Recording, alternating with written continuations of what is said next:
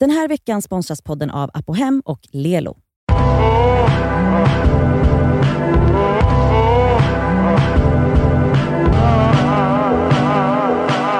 Det är fredag och eh, vi Ska jag har sjunga min ett, fred- Nej, och vi har ett nytt Det ska vi svarar. Den här veckan har vi fått ett mejl med rubriken Föräldrar som inte tror på psykisk ohälsa.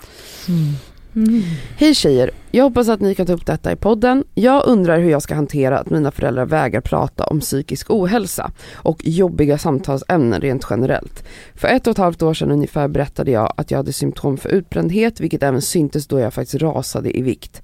Sedan dess har de låtsats som ingenting. Nej, inte visat något intresse för att försöka hjälpa till, inte frågat om jag har sökt professionell hjälp, tystar ner mig när jag har ringt och försökt prata med dem. Min mamma säger jag kan inte prata om sånt här, det här får du ta med någon annan.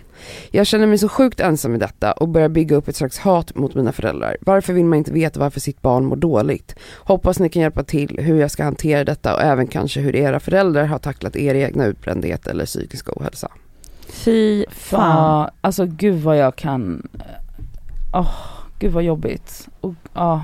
Jag kan absolut relatera in some way. Min mamma säger, skulle aldrig säga till mig att hon inte vill prata med mig om det här, att jag får ta det med någon annan. Men jag upplever att hon inte förstår. Mm. Eh, och det är jättemycket en generationsgrej tror jag. Mm. Alltså att vi, vi är, tillhör ju speciellt typ, de under oss. Alltså Ja. Att det är så, man pratar om Mm. mående. Alltså Mm. vi har ju typ börjat göra det nu i vuxen Ja. ålder. Men jag tror liksom kommande generationer, där kommer det vara så normalt. Ja, det är inga konstigheter, nej. man pratar om det. Mm. Men eh, eh, för att, ja, vi kommer väl också lära våra barn och så vidare. Och så vidare. Mm. Men våra föräldrar har, ju inte haft verktyg för Nej. att hantera eh, dåligt mående. Och det är jättesorgligt. Men det landar ju också i, alltså jag hade ett samtal med min mamma i somras om terapi. Jag frågade om hon har gått i terapi någon gång. Mm. Varpå hon sa nej och det var ingen chock Mhm. för mig. Ehm, annars, annars hade väl hon förmodligen introducerat det för mig för länge sedan. Mm. Ehm, det började faktiskt med att vi pratade om jag pratade om mina smärtsjukdomar och eh, pratade om just fibromyalgi-diagnosen och att så här, att den är så diffus och ganska svår att, att diagnostisera och att så här, den ofta kan diagnostiseras men egentligen kan det vara något annat. Det finns många olika så här, underliggande Mm. smärtsjukdomar som har ganska liknande symptom och bla bla bla. bla. Jag pratade om det. Varpå min mamma säger någonting i stil med att ehm, att man typ, mer eller mindre menar hon att man blir ju också sjuk om man googlar saker. Ja. Eh, och jag blev väldigt irriterad eh, för att ehm, det är en väldigt typ fördummande, alltså så, det är klart att, det är klart att är man till exempel hypokondriker, Mm. Ja. vilket jag inte är, Mm. men är man hypokondriker så kan du absolut uppleva dig själv sjuk när du läser Och bli om triggad saker. såklart. Ja och det, men alla människor är inte hypokondriker. Nej, Eh, majoriteten är inte det. Mm. Och jag är inte det. Och jag var så här, ja då har jag inbillat mig alla mina smärtor i alla år. Ja. Och när jag sen frågade om terapi så var ju hon så, nej men vad ska jag prata om där? Och vi pratade om liksom, alltså jag pratade om allt så, trauma från barndom, varför jag är som jag är, vad jag har ärvt av min mamma och hon var ju Mm. så här. Du vet, det var så mycket information som jag la på henne där och Mm. jag var bara så här, men min mamma blev till exempel ehm, lämnad av sin mamma när hon Mm. var två år. Mm. Lämnad själv med sin pappa. Väldigt ovanligt på den tiden också. Mm. Början av 60-talet. Mm. Det hände inte. Så min mamma levde ju sen själv med sin pappa och hans föräldrar Mm. eh, hjälpte till också väldigt mycket. Ehm, hon hade inte en närvarande mamma helt enkelt. Det har ju förmodligen satt sina spår. Ja. Mm. Det är Eh, klart ja. att det traumatiserar en tvååring. Mm. Att inte haft en, och jag tror att de här två åren hon var där var inte hennes mamma en jätte kärleksfull och närvarande mamma. Nej. Nej. Vad gör det med en person? Mm. För mig, efter alla mina år i terapi och har läst på om det ena och det andra så ser jag ganska tydliga mönster med liksom varför min mamma blev den mamma hon blev. Och det speglar sig väldigt mycket i att hon blev övergiven av Mm. sin mamma. Alltså min mamma har haft en sån, mina barn ska aldrig vara utan sina, Mm. sin mamma panikkänsla Mm. nästan. Alltså, så hon är ju så, ja men man pratar om curlingföräldrar så har min mamma absolut varit eh, jättenärvarande på alla sätt och på ett sätt så att det nästan, det blir ett björntjänster som det kallas. Mm. Alltså att man, man överkompenserar så att, ja hon har inte lärt mig att sätta gränser och så vidare och så vidare. Det här är en jätte, jag kan prata om det här i 300 år men det var väldigt tydligt att hon inte tror på eller jag skulle säga ens har funderat på terapi och alltså så här, när hon då ens har till och med en tanke om att man blir sjuk av att läsa om symptom, att Mm. man då inbillar sig symptom. Alltså det här är en konstant, jag känner igen det här personen som skriver om den här ilskan som Mm. riktas, alltså hon skrev till- nog till och med hat va? Mm. Alltså att man blir så jävla arg för att man vill ju, om det är någon man vill ska lyssna eller förstå en, är ju det föräldern som har varit med en hela ens uppväxt som har eh, sett mig genom alla mina episoder i livet. Mm. Och när, när man då blir liksom dismissad eller liksom inte trodd av den som har fött den, Mm. det är jävligt tufft. Mm. Jag har inget råd mer än att jag jobbar jättemycket med så här, min ilska, att, att inte liksom agera så mycket på den. Mm. Alltså att också förstå att min mamma kommer från det hon kommer ifrån. Mm. Och jag kan inte vara arg på min mamma för att hon inte har mer, eller jag kan bli irriterad för jag kan känna så här, varför vill du inte typ utvecklas? Varför vill du inte Mm. lära dig mer? Eh, och så vidare, så vidare. Jag tycker absolut att min mamma ska gå i terapi, men hon är också så, ska man verkligen hålla på och gräva där? Man vet aldrig vad som kommer ja. upp. Och jag bara, ja Mm. men det är ju det som är hela grejen med terapi mamma. Mm. Att man gräver i någonting som till en början kommer göra pisseont men sen kommer du komma utanför det och bara wow, få helt Mm. nya perspektiv på livet. Mm. Det är det som är så magiskt med terapi. Ehm, men jag fattar din ilska och eh, jag säger bara försök att hitta hjälp någon annanstans, förvänta dig inte det därifrån för att då kommer din ilska bara explodera till slut. Mm. Och det är inte värt det. Hitta vänner du kan prata med om du har det. Sök hjälp inom vården. Om, jag vet inte om det framgick om hon faktiskt har fått hjälp. Ja, min mamma förstår inte heller utbrändheten. Nej. Absolut inte. Nej. Alltså jag, jag skulle väl säga att vi, alltså för vi är ju sex syskon, många, och har ju väl mått dåligt i olika perioder allihopa. Eh, jag tycker absolut att våra föräldrar finns där för oss eh, under de perioderna, men som du säger Cassandra, dåliga på att ta tag i terapin själva. Mm. För det tror de inte, alltså att de inte behöver det. Vilket absolut känns lite som ett svek där också att så här, men vi vill ju att ni ska må bra.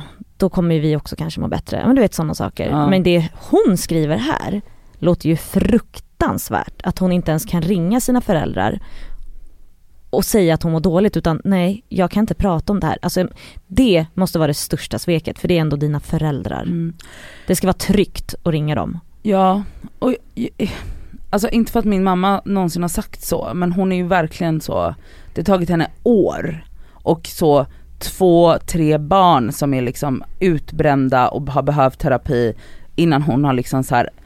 jag vet inte fortfarande om hon 100% förstår det, Tycker, har hon tyckt att ni har varit, dramatiska. Mm. ja, Alltså i, aldrig uttalat sagt, nej. Man, man känner av det. men man känner ju av det, de tror så här, hon, det, min syster började i terapi först så hon öppnade ju, sparkade ju upp den dörren, tack för det Alex.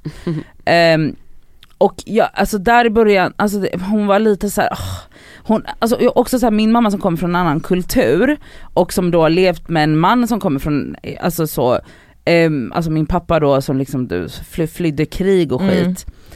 Alltså det är som att hon, det finns någonting i henne som tycker att det här är ett ilandsproblem. ja, Mm. att vi är bortskämda. Och det är Ja. inte konstigt att jag- man har det perspektivet Jag då. fattar, alltså jag, jag, jag köper, alltså jag kan så.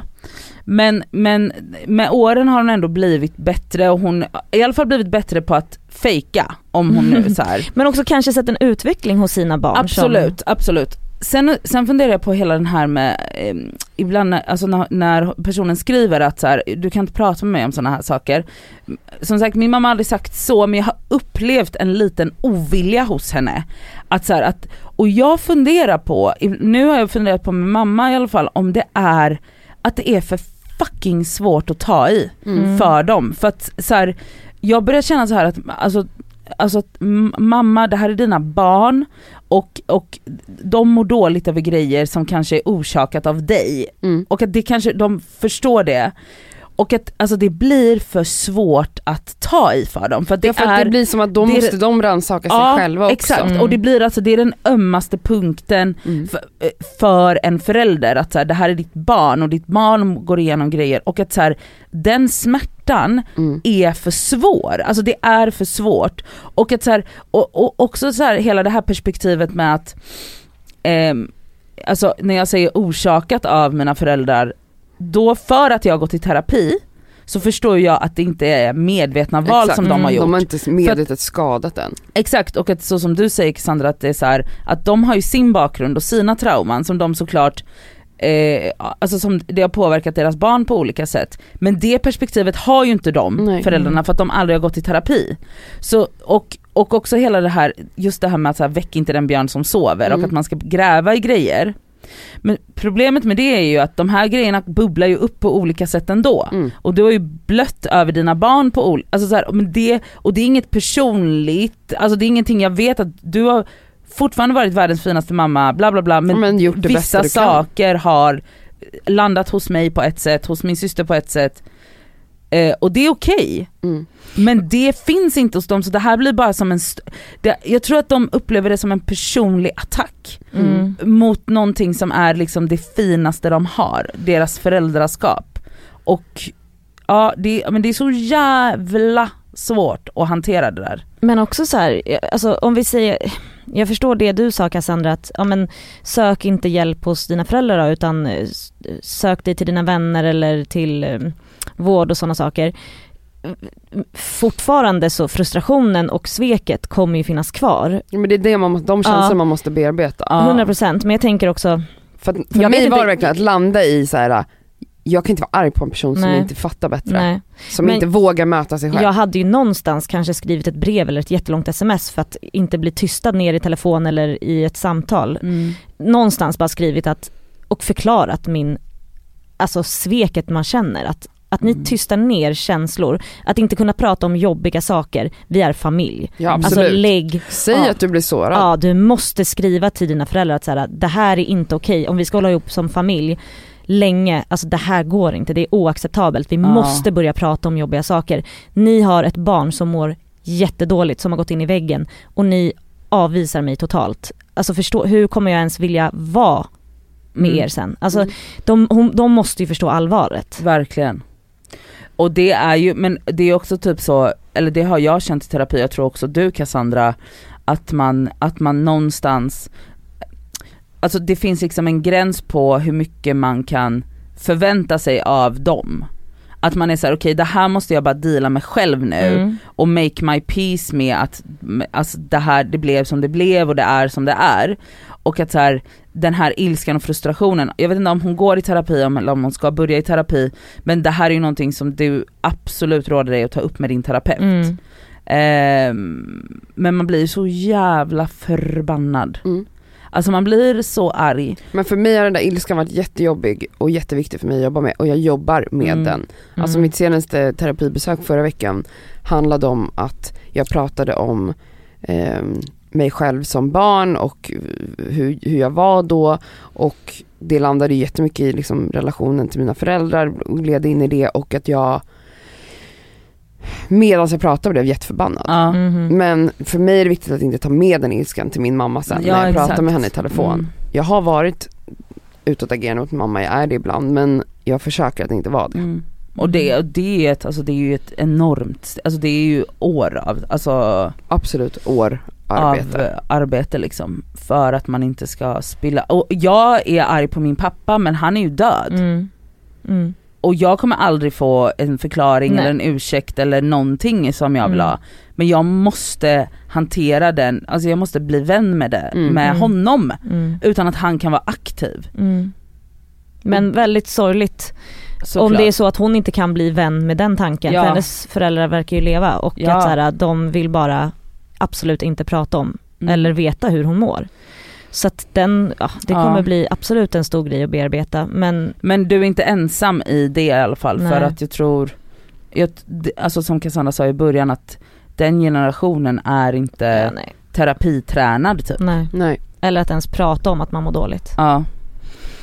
Ja, Ja, eh, lycka till med det där. Jag, först, jag förstår, vi förstår. Ja vi förstår. Eh, och det är inte lätt. Men eh, mm, jag tror det är en bra kombo där. Att säga såklart, uttrycka sårbarheten och säga att du blir ledsen och kanske lättare i text. Mm. Men också försöka jobba med att förstå någonstans att de inte kanske kommer förstå. Mm. Och acceptera det. Acceptera det. Mm. Mm.